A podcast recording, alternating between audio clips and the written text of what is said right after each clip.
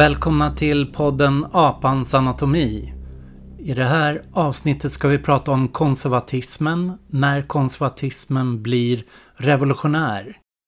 Med mig har jag Jonathan från Malmö. Tjena Jonathan! Hej Mattias! Du var ju med för några avsnitt sen när vi pratade zombier. Mm. Nu kör ju en annan form av eh, levande dödar då. Går in på den. Jag skickade dig en artikel för ett tag sedan som var i Aftonbladet Kultur av eh, den här konservativa skribenten Roland Porger Martinsson. Han skrev en artikel med anledning av att den här nya högerpublikationen Bulletin hade startat. Och han, eh, i den artikeln så skrev han antingen får ni sluta eller så får jag sluta kalla mig konservativ. Han menade i den att eh, de är inte konservativa, de är revolutionära. I bemärkelsen att de vill inte bevara det här samhället och vara försiktiga i förändringar. Att samhället ska fortsätta förändras men i en lugn, långsam takt så att alla är med. Utan det Bulletin eftersträvar är en total samhällsomkastning. Har du kikat något på Bulletin? Ja, ja, lite som hastigast. Jag tyckte den påminde lite om när, vad hette den här Cissi Wallins nättidning när den drog igång? Att det var mycket väsen för ingenting Ja, just i det, början. gardet. Ja, men jag fick lite samma vibbar att det här, det var så väldigt upphausat i början. Och så kom det liksom Mm. inte så mycket. Men nu har de väl fått upp lite fart. Godzilla-effekten. Som filmen Godzilla som började hypas sådant innan. Så när den väl kom så blev det bara skitdåligt. Ja. Eller Wonder Woman, nya Wonder Woman-filmen är samma sak. Ja. Eller Batwoman på HBO, eller och så vidare. Och så vidare. Hype är aldrig bra. Nej, nej. Inte om hypen kommer för mycket och för, för tidigt. Nej, precis. Har jag berättat för dig när, på 90-talet när jag var inbjuden på brännbollsturneringar? Har jag dragit den skrönan? Nej. Det är så, när jag gick gymnasiet så hade jag en anarkistgrupp som hette Anarkistisk front i Sankt Jacobi i Vällingby, en gymnasieskola. Och den hade jag tillsammans med Johan Norberg och hans storebror Peter Norberg. Oh. Och de gick skilda vägar sen kan man säga. Att Johan Norberg och hela hans gäng som var där runt omkring dem gick in i Frihetsfronten. Och Peter Norberg han gick in, in i ett konservativt sällskap som startade tidningen Salt.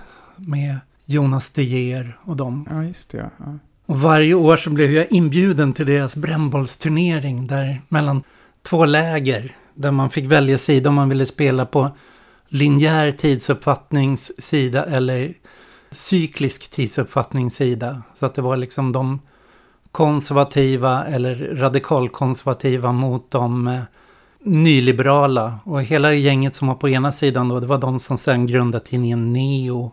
Och Mm. en efter en plockades upp i Timbro. Och andra, de som var på andra sidan, det var då liksom Saltgänget och de några till av det. Och jag, jag gick aldrig på de där brännbollsturneringarna, även om jag bjöds in varje år. För att jag liksom tyckte så här, jag kan ju inte spela med nyliberalerna, men det skulle jag ju behöva göra där. Ja, eller skulle man gå till den cirkulära sidan. Åh, herregud, vad härligt. Men anledningen jag tog upp den, eh, den liknelsen, det är väl någonstans då det vi ser i borgerligheten idag, det som håller på att ske, liksom hur alliansen har brytit upp och vi har fått Centerpartiet och Liberalerna som har gått in mot sossarna. Och vi har fått eh, Moderaterna och eh, Kristdemokraterna som håller på att närma sig Sverigedemokraterna och försöka bilda ett nytt block där. Och då har det här begreppet konservatism blivit eh, det som alla plötsligt på den kanten ska kalla sig i olika varianter. Det finns ju SD körde på socialkonservatism. Bulletinen kör på liberalkonservatism. Vi har den här alternativ mediasajten Fria Tider som kallar sig för paleokonservativa. Och paleokonservativa det är ju de som Paleo betyder ju liksom föregångare, det gamla. Alltså de reagerade på de här krigshökarna i USA runt Bush som kallades för nykonservativa. Så de var ju mer tryckte på det gamla konservativa eller på tyska allt konservativ. Så att alt-right var ju en sån dubbelanspelning både på alternativa högern och det allt som gammal paleo-konservativ. Men, det, men det, han, han berör väl det lite i artikeln, att, för, för det du säger nu är ju att konservatismen har blivit inne igen. Och han tar ju upp hur det per definition är liksom att det, det, konservatismen kan inte vara inne, att den ställer sig gentemot begreppet inne. Mm. Och det, det blir ju, alltså för det, det han lite landar i, eller det jag uppfattar att han landar i är ju frågan, kan Alf Svensson och Hanif Bali tillhöra samma rörelse? Eller kan Bulletin eller, ja men du förstår vad jag menar. Mm. Alltså i, ryms det här i samma, i samma begrepp eller är det frågan om två spretande rörelser? Ja, har konservatism blivit bara en tom betecknare som du kan slänga in vad som helst under den etiketten? Och det kan ju både vara en styrka och en svaghet att du kan skapa oerhörda paraplyer, allianser i Chantal Moufs anda där du enar en massa motstridiga tendenser bakom samma beteckning för alla läser in och eget i den utan att behöva liksom specificera vad de menar. Men det kan ju också leda till motsättningar för att de vill helt olika saker. Ja, men precis. Vi hade en idé med det här avsnittet att vi nu är det ju alla håller på att diskutera så här, är det här 30-talet på nytt? Är vi i nya Weimarrepubliken? Så här, är, står nationalsocialismen, fascismen inför dörren?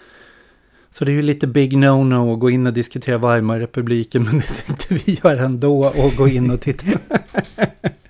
Får man inte så ska vi göra det. ja, men precis. De kan få ha nya Weimar så tar vi det gamla. Ja, verkligen. Så vi tänkte gå in och prata om eh, en strömning som kom att kallas just konservativ revolution eller radikalkonservatism och se utifrån dess teoretiker vad om det går att tillföra någonting på och förstå dagens höger. Allt från trumpisterna till eh, det nya högerblocket till eh, Bulletin och ja, alla de här varianterna. Ja. Weimarrepubliken, hur ska man beskriva den? Ja, det... Det var ju både liksom ett socialt och kulturellt och politiskt experiment på många sätt och vis. Men det, jag tänker att den, den var ju ganska så här, den var ju ganska dödsdömd av sina egna inre motsättningar redan från början. Mm. Weimarrepubliken var ju då efter första världskriget den korta demokratiska liksom, experimentet i, i Tyskland. Liksom, innan hade man ju det här Wilhelminska riket, monarkin, liksom, när hela Tyskland var enat med Preussen som en stor tyngd, kan man säga, som gick in i, in i första världskriget. Och det här Weimarrepubliken varade ju ända till eh, 1933. De två personer som vi tänkte var representativa eller intressanta och var så teoretiskt nydanande för den här strömningen. Det var ju Ernst Jünger, en författare, och eh, juristen Carl Schmitt. Så eh, du har läst in dig lite mer på Schmitt, tittat på hans syn på det politiska, både i hans bok Begreppet det politiska och hans fortsättning sen partisanteori som han skrev långt efter kriget. Mm. Och jag har kikat lite på Ernst Jünger. Om man ska beskriva dem politiskt så ni har ju haft Göran Dahl på besök i er podd som ni har kört. Ja. Uppgång och fall. Ja, han har ju skrivit väldigt mycket om, om den här tidsperioden. Och det var ju, det var ju väldigt spännande att få språkas med honom för att han var ju extremt kunnig. Men han har ju beskrivit det som 1914 års idéer. Och det är ju liksom en idéströmning som han sätter i relation till franska revolutionen 1789. Mm. Ja, woho! Där han då beskriver det, ja men precis med reaktion på de här idéerna, att han eh, mot, eh, mot frihetslängtan ställer han plikt och så vidare. Jo, Göran Dahl och Carl-Göran Heidegren har ju skrivit bra böcker om det här. De har gjort en, ett nummer av Respublika som handlar om det här. Och Heidegren har också gjort den här boken Preussiska anarkister som, som handlar om den här tiden där de beskriver de här som eh, icke-nazistiska fascister. Att det är en strömning i Tyskland som är tysk fascism utan att vara nationalsocialism. Och eh, Jünger, han ställer sig alltid negativ till det nazistiska projektet. Carl Schmitt gör ju inte det. Ett kort tag. Ja, eh, jag tänkte inte gå jättedjupt in på Carl Schmitt som person, men det man kan säga är ju att han var ju jurist och statsrättsteoretiker. Och i början av 1930-talet så började han närma sig den nationella högern. Och det var i den här perioden som han blev vän med då Ernst Junger. Schmidt slogs inte vid fronten vid första världskriget, utan han undervisade under den perioden. Eh, men 1933 så gick han med i NSDAP och han var aktiv, lite beroende på hur man räknar, fram till 1936. Och han hade ju någon idé om att han skulle liksom eh, att han skulle bli liksom en eh, parti, partijurist, är fel men en statsjurist. Men problemet för Schmidt var att det var ganska välkänt att han, innan han gick in i NSDAP, så var han god vän med judiska akademiker. Och eh, det ledde till att han fick inte, han fick inte publicera det politiska som begrepp under en period, alltså under NSDAP. För den, den tolkades som subversiv. Mm. Och eh, efter krigsslutet så förbjöds han från att undervisa och han samlade då, eh, han, hans hus blev sönderbombat i slutet av kriget, han bodde i Berlin och efter det så flyttade han ut från Berlin tillsammans med sin hustru ut på landet. Och eh, där samlade han en krets av adepter omkring sig. Så han utövade ett ganska starkt inflytande på den här kretsen långt in på liksom 80-90-talet innan han avled. Eh, den sista perioden av hans liv så snöade han in på Hamlet och skrev jättemycket om Hamlet. Det är lite intressant kuriosa. Mm. Jag har ju mest då utgått ifrån det politiska som begrepp som först publicerades 1932 eh, och den byggde på föreläsningar och 1962, alltså långt efter krigsslutet, så eh, gav han två föreläsningar som sen mynnade ut i skriften Partisanteorin och det är de två jag kommer utgå ifrån i, i den här podden ja, men Carl Schmitt, han, han var ju, kan man säga, från, kom från arbetarklassen medan Ernst Jünger, han var ju en mer överklassaristokrat som tidigt längtade att få delta i krig, att han försökte fly när han var 18 år ner och kom med i Främlingslegionen och blev skickad tillbaks till Tyskland. Och han ryckte in under eh, första världskriget och tjänstgjorde då, han blev löjtnant och var i fronten. Och mycket av det han skriver om det är då format av den här upplevelsen under första världskriget. Hans bok I stålstormen är ju liksom en av de kändaste beskrivningarna av eh, första världskriget. Och till skillnad från till exempel eh, på västfronten är inte ett nytt som beskriver hur liksom destruktivt och hemskt kriget är så ser ju Jünger, han har ju en väldigt så här syn att kriget i sig tar fram det mest heroiska, det bästa av mänskligheten. Att det höjer mänskligheten i det där, liksom alla de unga 18-åringar som skickades ut i strid. Att där kom de att bli en, liksom en ny, bättre människotyp. Så att det du berättade om 1914s idéer. Det här är ju 1914 i striden. Där dör liberalismen, där dör upplysningen, där dör franska revolutionen. Och där föds ett helt annat subjekt enligt eh, Jünger. Och det försöker han beskriva då i en rad böcker efter det. Liksom hur under kriget den här eh, det han ser det är liksom de här masstriderna där folk dör i miljontals i skyttegravar utan att man egentligen vinner några stora landytor. Det är ju inga stora avgörande strider utan man ligger år efter år och bara massakrerar varandra. Men det här är förgynger någonting så omdanande i samhället att hela samhället kopplas in och underordnas kriget i en stor mobilisering där alla samhällsinstitutioner deltar i det här och här ser han eh, liksom ett slags samhällsidealet. han skriver sedan en bok som heter Der Arbeiter som visar hur hur människan, arbetaren, soldaten på det här sättet kommer underordna sig tekniken, samhället, allt i det här liksom heroiska projektet. Och framförallt ser han det här liksom som ett slag mot liberalismen men också mot borgerligheten, mot det, mot det borgerliga samhället. När han kommer tillbaka från kriget så inleder ju han som en form av litterär salong eller kamratkrets som samlar många kring sig. Bland annat blir han ju vän med Carl Schmitt och de har ju liksom ett utbyte där de diskuterar det här.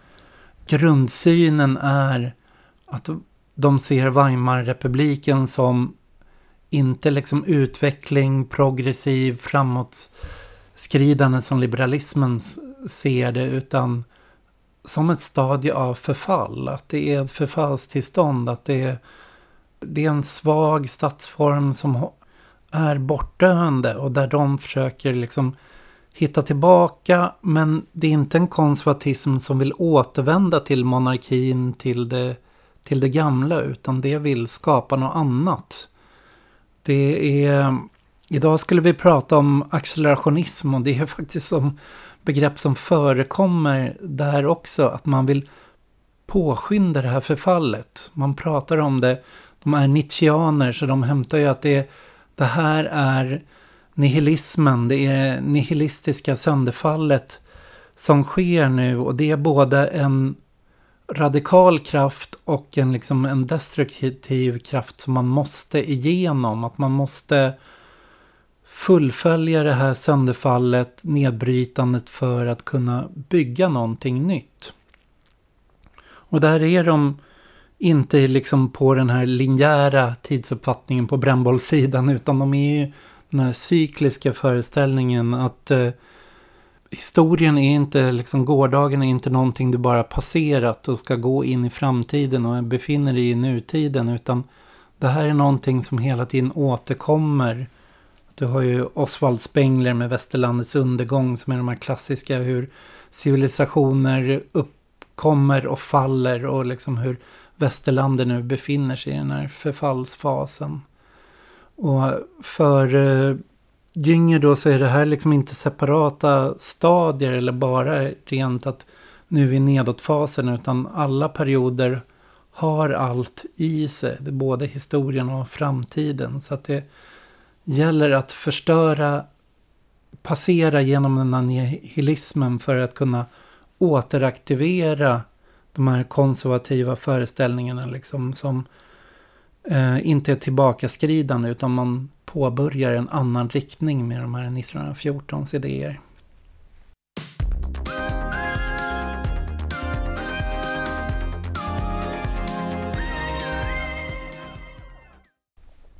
Carl Schmitt, han har ju mycket mer, alltså Jünger är ju mer, han är ju författare, mer filosof. Carl Schmitt har ju mer ett så här juridiskt, praktiskt. Vad är det det politiska som begrepp bygger på? Ja, alltså det Schmitt liksom tar sig för att göra det är ju att, att komma fram till en tydlig definition av det politiska. Han menar ju på att man, det ställer liksom, man stöter på en verkligt bra eller verkligt relevant definition av det politiska som är allomfattande. Och Schmidt exemplifierar genom det polemiska. Alltså enligt Schmidt så är, används politiska som, eller politik som en antites. Alltså politik kan till exempel vara motsatsen till moral eller till estetik eller ekonomi. Eh, mm. Man kan ta ett, liksom ett nutida exempel att det kan vara att man säger att eh, det den andra sysslar med i klimatfrågan det är politik medan det vi sysslar med det är vetenskap. Bara som ett exempel på de här polemiska begreppen. Men, men Schmidt menar då att det är nödvändigt att komma fram till en definition av politik som blottlägger och bestämmer specifika politiska kategorier. Och bara för att fortsätta lite på e så här kan man tänka att om, inom moralen där blir den slutgiltiga distinktionen den mellan gott och ont. Inom estetiken blir det den mellan det som är fult och det som är vackert. Inom ekonomin, vad som är fördelaktigt och vad som är ofördelaktigt. Och det Schmidt då menar är att den specifika och slutgiltiga distinktionen som politik, politiska motiv och politiska handlingar utgår ifrån det är distinktionen mellan vän och fiende. Och vän-fiende beskriver intensiteten i en förening eller en separation. Eh, och det politiska kan liksom hämta sin kraft ur alla möjliga områden i människors liv och den beskriver inget eget sakområde utan bara intensiteten i föreningen eller avståndtagandet mellan människor. Mm. Så vad som helst kan bli politiskt. En, en strid mellan grannar om en soptunna. Om det når en viss intensitetsgrad i fientlighet så skulle Schmidt beskriva det som en politisk konflikt. Ja, i kortet kan man väl säga att alla religiösa eller moraliska eller ekonomiska motsättningar förvandlas till en politisk motsättning när den här motsättningen är stark nog att dela upp människor i vänner respektive fiender. Den politiska enheten, alltså den som är stark nog att dela upp människor i den här distinktionen och avgör intensitetsgraden, den är alltid suverän i så mening att den äger beslutsrätten i krissituationer.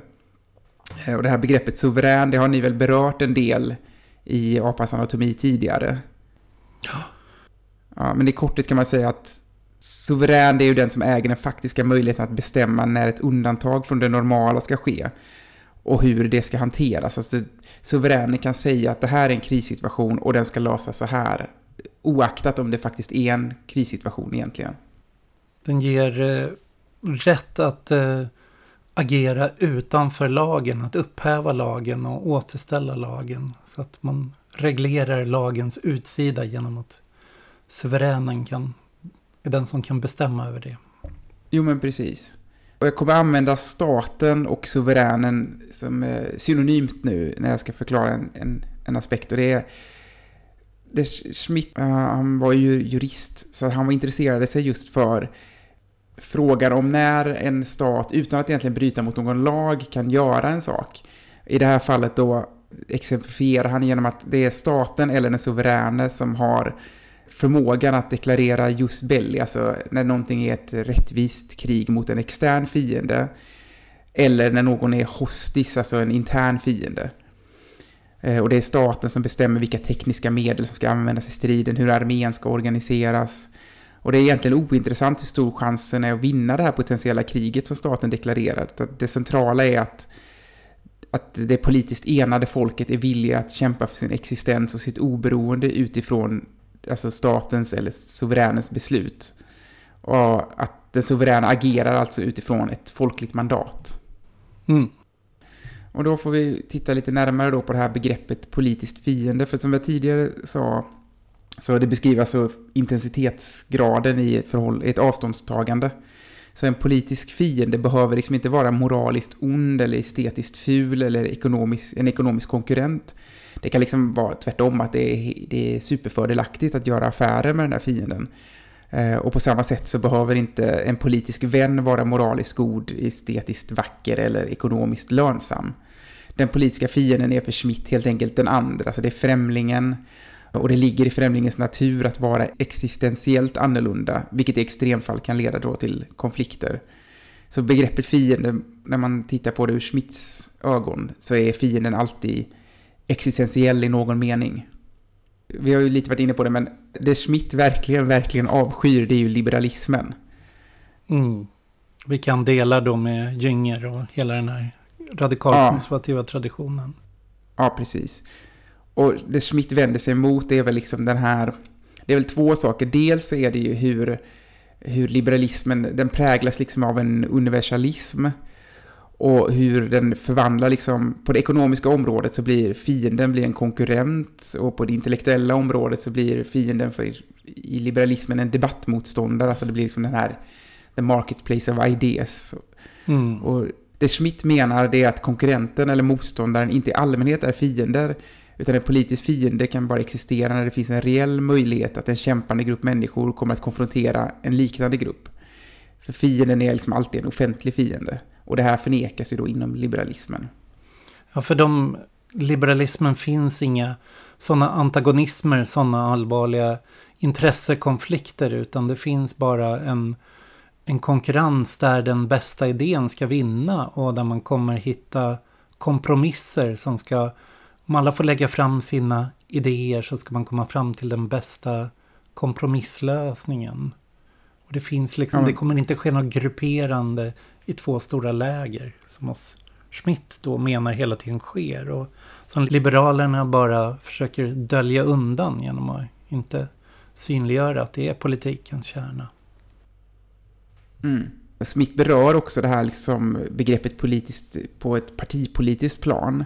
Alltså, och det politiska inom, inom partipolitiken, det blir en möjlighet när, Eh, när de inrikespolitiska motsättningarna blir starkare än liksom de kollektiva utrikespolitiska motsättningarna, alltså den mellan andra stater.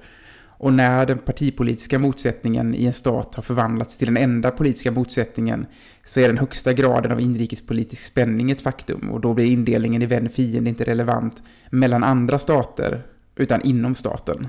Vilket knyter an lite då till Weimarrepubliken exempelvis.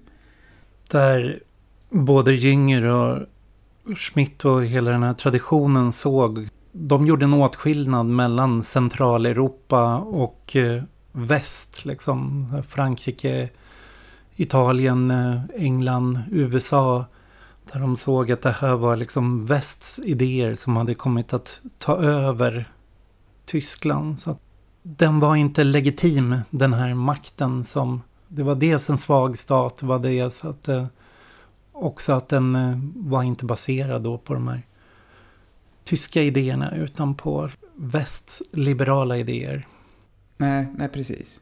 Om man ska återgå till, till begreppet fiende då så får man också förtydliga att begreppet fiende i Schmidts kontext hör liksom alltid samman med en reell möjlighet av en strid. För liksom, av fiendeskap så kan ett krig följa eftersom det senare det innebär liksom ett existentiellt förnekande av ett annat varande eller en annan offentlighet. Så krig blir den mest extrema konsekvensen av fiendeskap.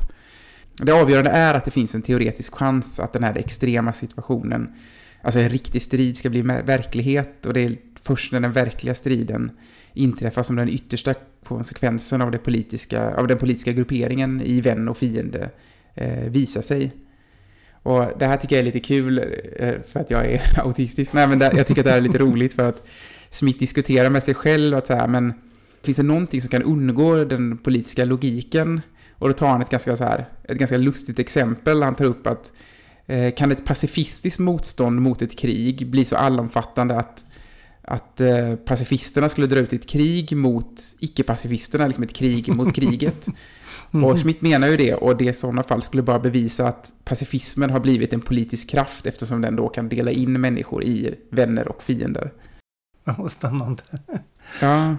När partisanteorin kommer då senare då, um, då börjar han nyansera det här fiendebegreppet. Mm. Vad är det som sker i den? Ja, han delar upp fienderna i, då, i tre olika kategorier. Och jag har... Liksom, det här blir en sammanfattning av den här diskussionen han för. Men det första är ju då den konventionella fienden. Och det är liksom det är, om man tänker sig att det är ett, en konflikt mellan två stater, så den konventionella fienden då, det blir motståndarens reguljära trupper. Alltså det finns en tydlig separation mellan de här trupperna och civilbefolkningen. Och konflikten med en konventionell fiende, den är tydligt rättsligt reglerad. Han tar upp, nu får du ursäkta min latin är lite ringrostig, men just publicum europaeum, alltså den här konventionen som reglerade hur, hur strider mellan europeiska stater skulle föras. Eh, att det kräver en krigsförklaring och det finns ett ömsesidigt regelverk avseende krigslagar. Eh, det finns ett regelverk om hur eh, fångar ska behandlas, hur ett vapenstillestånd ska upprättas och hur den följande fredsförklaringen ska se ut. Mm. Och efter det då, eller efter, men nästa kategori då blir då den faktiska fienden. Och den faktiska fienden skiljer sig från den konventionella fienden i den att den hotar inte bara reguljära trupper utan den utgör ett potentiellt existentiellt hot och för att komma tillbaka till den konventionella fienden, alltså om man tänker att det är två stycken arméer så utgör de ju i alla fall i teorin ett hot gentemot varandra snarare än mot civilbefolkningen. Men med den faktiska fienden så har gränsdragningen mellan armé och civilbefolkning den har börjat vittra bort. Och då kring den faktiska fienden, det där han börjar använda då partisanbegreppet för att då är det inte längre en armé utan då är det irreguljära stridande, det vill säga partisaner. Att eh, och att de har snarare en bundenhet till ett område, en mark, ett territorium. Att det kommer en inkräktare men försvarsarmén är krossad men de fortsätter kämpa i, i städer, i civilbefolkningen, i skogarna, i djungeln och de gör det genom att varje uniform är en fiende, varje uniform är en måltavla. Men den andra reguljära armén vet inte var den ska slå tillbaks i och med att det finns ingen synbar motpart. Det blir, det blir en irreguljär konflikt så att säga kring det då med partisankrigandet som man, Carl Schmitt försöker förstå då. Och så tredje nivån.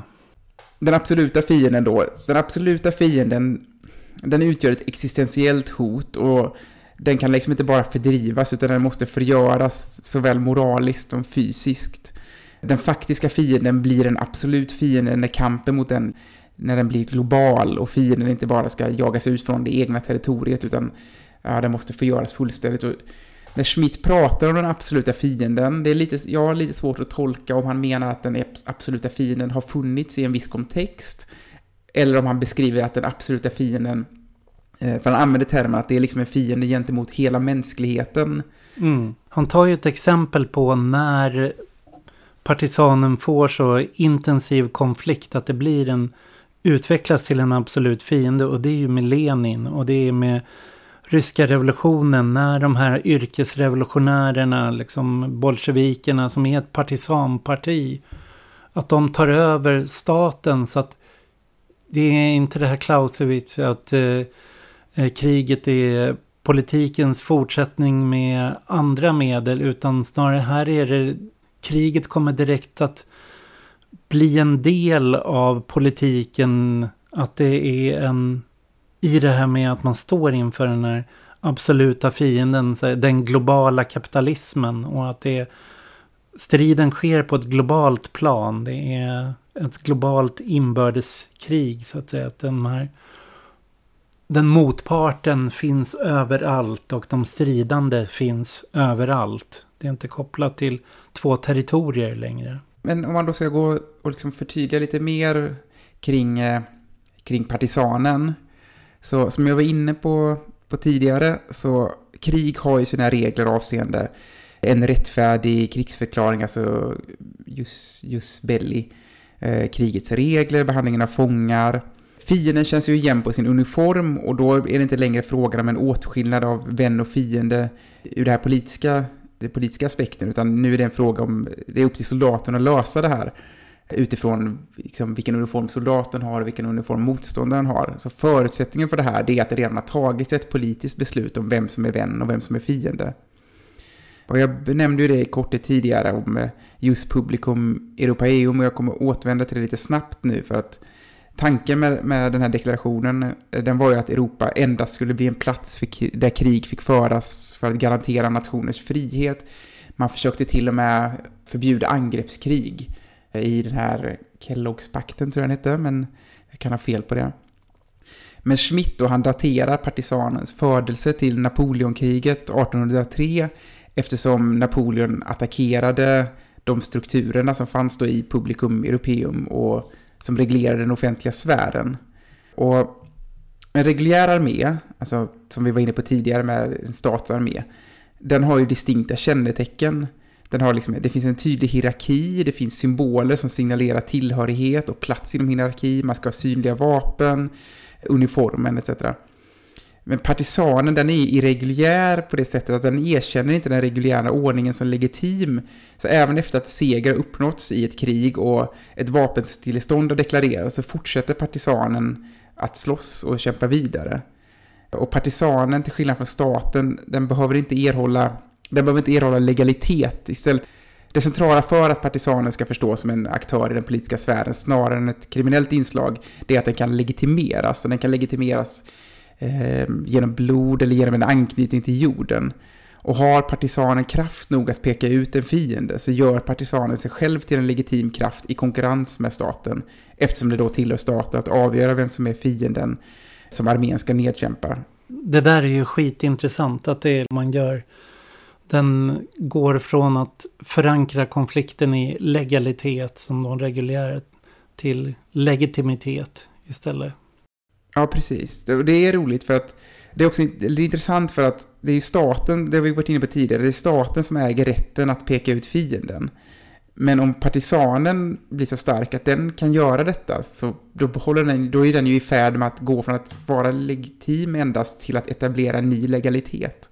Ja visst, så att det, partisanerna blir en ny...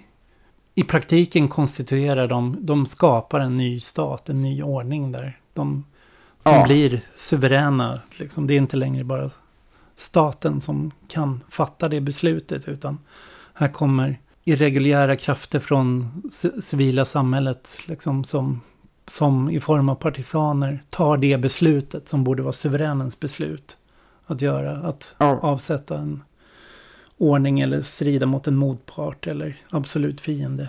Ja, och det blir ju som att partisanen, den, den, implicit så försöker den ju genomföra en strukturell förändring av den offentliga sfären, alltså det som tidigare tillhörde staten. Och därför måste ju den liksom etablera en ideologisk legitimitet. Och, och det kan man ju alltid göra genom, genom ren militärmakt, alltså, ren, alltså att man är starkare än, än det reguljära. Eller liksom utifrån en framtidsvision som är bunden till en reguljär organisation eller en politisk vän. Och banden till, till det reguljära för partisan, det är ju banden kring en alternativ vision, kring hur offentligheten ska organiseras. Mm. Och den här sammankopplingen är ju viktig för att om inte den existerar så då kan ju inte partisaner representera ett alternativ. Och då är vi tillbaka i så här, har, har partisanen då de facto en ideologisk legitimitet för sin praktik eller inte? För att knyta an då till, återigen till Ernst Jünger, var Carl Schmitts de här rätt juridiska begreppen på liksom politik, på legitimitet, legalitet, på suveränen, på ordningen för alltså Ernst Jünger och den eh, radikalkonservativa miljö som han höll på att skapa det där i slutet av 20-talet, början av 30-talet i, i Tyskland då, så la man det här mer nästan på ett filosofiskt plan som jag pratade om. Att det, där man såg ju staten som illegitim. Oswald Spengler, han pratar om det ideal han ville skapa var en slags preussisk socialism, använde han som begrepp. Med en slags, eh, vad ska man säga, byråkratisk ordning som bröt med det borgerliga samhället.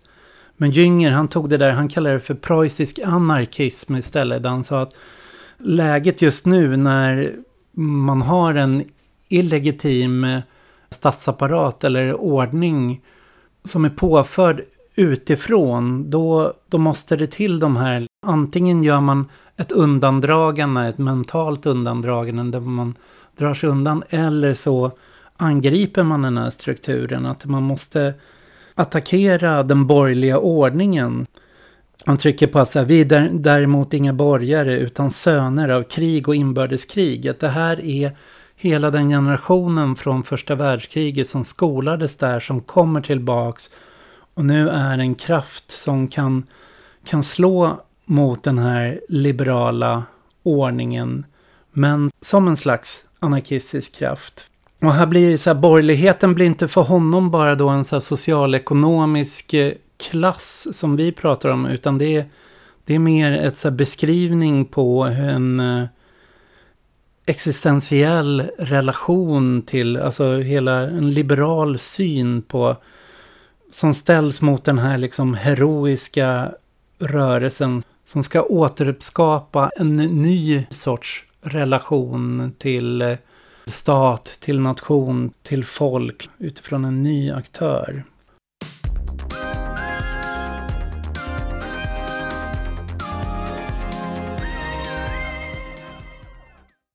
Och vad är då poängen lite med att vi, vi drar upp eh, Carl Schmitt och eh, Ernst Jünger idag. Vi kan nu gå över till kanske och bara se vad, vad händer om vi tar de här begreppen och liksom försöker använda dem för att förstå de konservativa krafterna idag. Om det är konservativa i den här Roland Poirier Martinsons sätt att se på det liksom som en eh, långsam kraft som vill bevara vissa traditioner i att låta saker förändras långsamt eller om det mer har gemensamt med den här konservativa revolutionsströmningen. Vad kan vi ta från Schmidt och Jünger för att titta på idag. Om vi tittar på Trump-bulletinen och nya konservativa blocket. Ja, alltså jag har ju snurrat ganska mycket kring händelserna vid eh, när de skulle vad heter det, vidimera elektoratrösterna i USA den 6 april var det väl? Mm. Att det var så tydligt. Det har vuxit fram en, en gräsrots... Nu, nu använder jag begreppet konservatism här fastän det, jag inte tycker att det stämmer, men det har vuxit fram en gräsrotsrörelse inom konservatismen, den amerikanska konservatismen, som, eh, alltså som, som utmanar den... eh, Ja, men om man ska prata med Schmidt så, så det, det de försöker göra det är ju att etablera en ny, en ny offentlighet. Mm. I framförallt kanske inte i relation till demokrater utan till, till liksom rhinos och till neocons.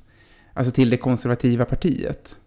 Och där tycker jag det är ganska fruktbart att titta på det liksom, även om inte det är en, en väpnad konflikt så är det ändå fruktbart att titta på det liksom utifrån Schmidts begrepp kring fiendeskap.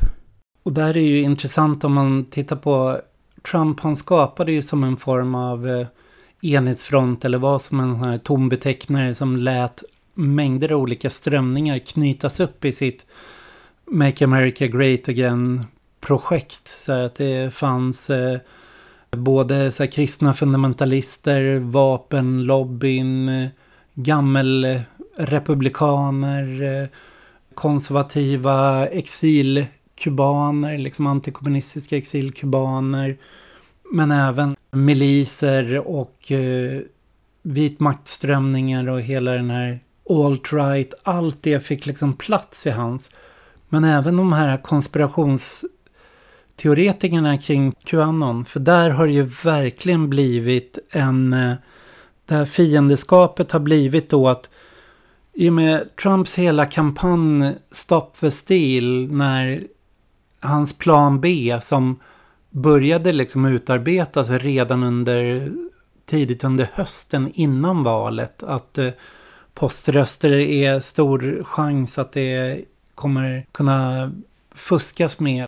Så började han skapa en berättelse där, ett narrativ som frammanade den här valets legitimitet började man eh, ifrågasätta. Och för hela den rörelse som kom där med Stopp för stil så, så innebar det ju att den ordning som är nu i USA är en illegitim ordning och det här kontraktet som finns mellan medborgarna och eh, Förenta Staterna är liksom upphävd idag. Och det är ju någonstans det som skapade hela den här dynamiken fram till Kapitoliumstormningen. Att utan att Trump hade drivit på det här, han egentligen är fortfarande president. Han har bara fått valet stulet. Så innebar också dels att eh, de fiender som hade tagit makten, det här med djupa staten eller som oss Qanon har blivit den här satanistiska kabalen som styr och förstör staten inifrån eller infört socialism, kommunism, verka på det för en global nivå. Så har vi hamnat i det här absolut fiende och där också konflikten är så att det innebär att eh, de här partisankrigarna har någonstans gått upp i, blivit som det Schmidt menar Lenins revolutionära parti har blivit. Det har liksom, de är irreguljära krigare i den här konflikten och kan agera utifrån på det här sättet. Ja, jag håller helt med, eh, med liten reservation för att Alltså jag tänker att om man ska koppla vidare till Sverige så Trump skapade ju inte det här så mycket som att han red på en våg som går tillbaka till liksom ja men John Birch Society på 60-talet och liksom Tea Party-rörelsens framväxt på 2000-talet och och det jag tycker är intressant i en svensk kontext det är ju då att det republikanska partiet, de, de såg ju det här, den här liksom icke, den här vildvuxna politiska miljön som ett sätt att vinna röster på och man förstod liksom inte att det här att den här populismen, den kunde man inte kontrollera. Och nu har, sitter man ju med fan i båten och då får man ju ro liksom. Och jag tänker att, och det här är väl lite mer ditt expertisområde, men om man då tittar på den här liksom miljön som har vuxit upp i Sverige och som liksom rör sig någonstans i gränslandet mellan liksom högersossar, moderater och SD. Och, där, och då är det lite fult så slänger jag liksom in ja, men Twitter-lordsen och Bulletin och liksom alltihopa i, den, i det begreppet. Hur tänker du liksom, om man ska översätta det här, om vi, om vi säger att det här är en partisanrörelse på framväxt i en svensk kontext. Hur tänker du på liksom framtidsscenariot här? Jag tänker det är intressant att hålla ögonen på flera saker. Att om man ska jämföra med Jünger och Schmidts tid så var det ju en tid av stor rörlighet även mellan högern och vänstern. Att folk i Jüngers krets, det var ju även marxister och anarkister som dök upp där. Ernst Niekisch är ju en sån som blev, man kan säga nationalbolsjevik, såg ju Ryssland som lösningen. Och tittar vi idag på en sån, sån person som Malcolm Chyune som har plockats upp av eh, Oikos som är Sverigedemokraternas eh, tankesmedja. De försöker ju skapa någonstans en eh, konservatism som ska kunna slå även från vänster mot eh, centrister och även angripa liksom borgerligheten från det sättet. Och det är den tes som Malcolm alltid ha, hamrar in i alla sina poddar, alla sina krönikor i Göteborgs-Posten eller i Dagens Samhälle. Det är ju att det sociala kontraktet är brutet. Att för eh, medelklassen så finns det ingenting längre att hämta för de är inte skyddade av det här. Att det, centristerna, socialdemokraterna, alltså vänsterliberalerna någonstans har hämtat in sitt stöd utifrån och eh, kan inte garantera den här ordningen längre. Att eh, staten har undergrävts och förfallit och att nu måste det till eh, att eh, medelklassen kommer skaffa egna former av miliser eller skydd eller skaffa mc-gäng som skyddar dem, bilda gated communities, göra flykt, in, white flight inom, eh, genom skolval och dra undan sina elever. Att det sker en så här tudelning i samhället. Det är ju liksom hans stående tema. Och nästa steg då blir ju om det här utvecklas då till den här liksom absoluta fienden där inbördeskriget liksom någonstans blir en faktor. Sen tror jag att Sverige har samma problem, det här konservativa blocket som försöker formera sig, i och med att de inte riktigt är på det klara vad de menar med konservatismen, som Roland Poirier Martinsson är, så släpper de in även den här radikalkonservativa ådran i sig. Just för att de ser att från Socialdemokraterna och Liberalerna så har eh, antifascismen blivit ett sätt att söndra ett konservativt block. Att se till att Sverigedemokraterna inte kan närma sig det. Så därför har de istället utvecklat en...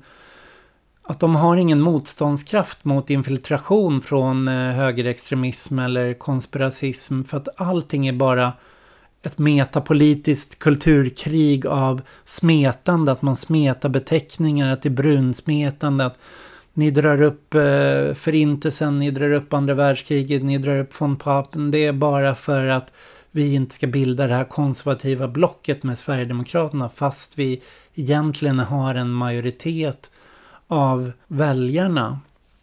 Och då blir det precis som i Trumps paraply att eh, de krafter som man eh, ger sitt stöd, ger sin legitimitet kan man inte heller de klarar inte av själva att identifiera det här. Liksom. Det kommer växa som en cancer i deras kropp. Och de kommer vara oförmögna att dra gränser mot eller få bort det. Tror du det ligger någonting i det, eller?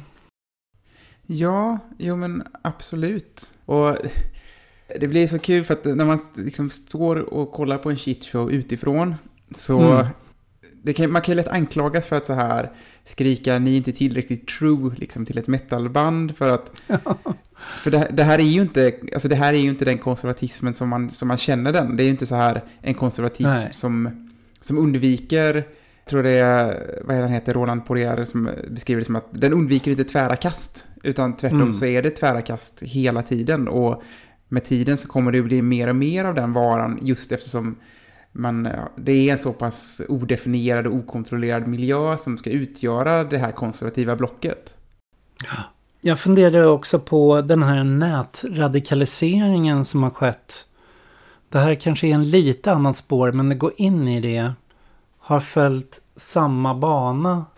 Det tidiga internet som var rätt fritt uppbyggt. Det finns en så forskare som heter Kristoffer Kullenberg. Han har skrivit det här om de första communityn, de första hackermiljöerna. De, de kom att utveckla någonting han kallar för nätvaro. Att man byggde sina gemenskaper där i, i forum, i fildelning. Och när de här nätvaron, när de här forumen kom att attackeras. Då kom det ske en politisering och en vilja att försvara det.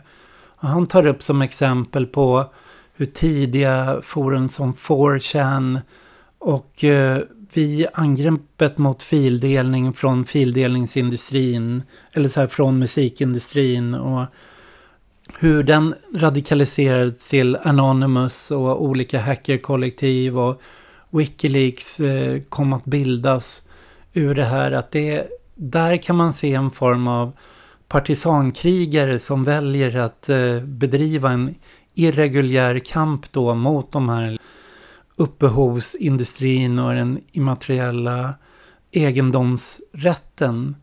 Och det skedde en radikalisering där, men det, den radikaliseringen som var på internet för tio år sedan, som mer liknar det här att man hade en faktisk fiende som man skulle driva ut för att rädda sina fildelningsforum och rädda sina... Idag finns inte de här strukturerna längre. Men däremot så har fienden på internet kring 4chan med Qanon och med konspirationsteorierna och så. Det har blivit, gått över till en absolut fiende och det är mycket svårare för vänstern att hitta en roll i det där. För att nu är det nu är det hela media, hela systemet, hela liksom techgiganterna liksom som är den här. Men den, i och med att det blir en absolut fiende så blir det ju också en moralisk fiende. Att det tillskrivs så, så många egenskaper, de här globalisterna, liksom satanisterna. Och jag tycker du kan se vilken strömning du har som helst lyckas någonstans av så nät allt från när det gäller yogamammor som är mot eh, coronarestriktioner eller liksom de här antivax-miljöerna. De här vakenrörelsen, konspiracisterna liksom. Varför gifter de sig så väl nu med extremhögern och med de konservativa strömningarna? Att för att de någonstans i den här absoluta fiendebilden där om det stora hotet mot eh, friheten, sanningen, yttrandefriheten, vad de beskriver så, så har du skapat den här liksom fiendebilden som står emot det. Så vi har gått från Anonymous och Pirate Bay, liksom den här faktiska fienden till liksom dagens Alltså då var det 4chan som var motståndsbasen mot den faktiska fienden. Men idag har internet blivit liksom ett globalt inbördeskrig mot den eh, absoluta fienden liksom. Det har flyttat liksom från eh, 4chan till 8chan till 8kun och nu ligger det på hela Facebook, på Twitter, på YouTube och när liksom det förs krig där då flyttas det över liksom till Ja, det, det har spridit sig överallt. Är det för långsökt? ja, nej, nej det, det, det, är en jätteintressant tanke. Jag har bara inte funderat så mycket djupare på den. Alltså jag tänker att om man ska knyta an till så här. Alltså det har ju alltid funnits liksom, eller alltid, men i, i internets begynnelse så fanns det ju en massa, en ganska vildvuxen miljö liksom där de här, där de här tankarna kunde existera i, ut, i, liksom, i slutna kretslopp liksom. Men sen så organiserade man ju om internetnärvaron på så sätt att alla, det blir som en centrism liksom, alla skulle samlas i mitten, alla skulle uppehålla sig på Twitter och Facebook. Och nu då så är vi tillbaka i något som påminner om liksom hur det var från början, att nu pressas ju olika, olika segment ut i egna, i egna liksom communities igen. Ja, Jag, jag, nej, det var, jag har inte tänkt färdigt den här tanken, det har ju jag. Eh, Ja. Eller jag har ju snurrat lite på så här Gramsci och vem som blir hegemon i den här, Mm. i den här konservatismen som växer fram, eller det här konservativa blocket. Eftersom det är ett så, det är så carte blanche att kalla sig konservativ idag liksom. Det rymmer så många olika inriktningar. Så kan man titta på det som händer i USA och försöka översätta det till Sverige på så sätt att hur ser styrkeförhållandena ut i, inom liksom den svenska, det svenska konservativa blocket idag? Hur kommer det se ut imorgon? Eh, det tycker jag är intressant att liksom spekulera kring. För att uppenbarligen så kunde ju inte den gamla konservatismen i USA kontrollera den här populistiska gräsrotskonservatismen som växte fram under så många årtionden och sen så fick sitt crescendo i stormningen av Kapitolium. Nej, det syns ju så tydligt nu på hur Moderaterna vacklar och svänger och inte vet hur de ska agera i det här nya landskapet. Att de liksom suger i sig hela retoriken från ytterhöger, alternativmedian och allt sånt. Och verkligen tar över det sättet. Och det är väl kanske för att de är inte suveräna själva att definiera vad som är fienden så att säga. Utan de får en fiendebild som redan har skapats. Och sen så går de in och bygger allianser. De går snarare in på det här vänskapen. Att liksom bygga upp. Eh, för att bli en makt så måste de liksom knyta till sig Kristdemokraterna och eh, Sverigedemokraterna och försöka få med sig Saboni-liberaler eller någonting sånt. Men de har inte makt själva att definiera den här motsättningen. Och då är frågan så här, vem är det som äger rätten att definiera den här motsättningen idag? Och det kanske är att det är, om vi tänker det här som att det är inte i begreppet det politiska längre utan vi befinner oss i partisankriget så att säga. Att det är det är alternativmedian och eh, Sverigedemokraterna som driver de övriga konservativa före sig på det, det sättet att de har blivit så effektiva i liksom att sprida den här bilden av var står den politiska motsättningen? Hur grupperar vi landskapet? Vad, vad är fienden? Att det är kulturvänstern, det är public service och det är vänsterliberalerna i en gemensam klump. Och ska Moderaterna kunna bygga ett konservativt block så måste de acceptera den motsättningen. Det måste vara den politiska motsättning de organiserar kring. De kan inte ändra på de premisserna. Och den är inte, de är inte satta av dem.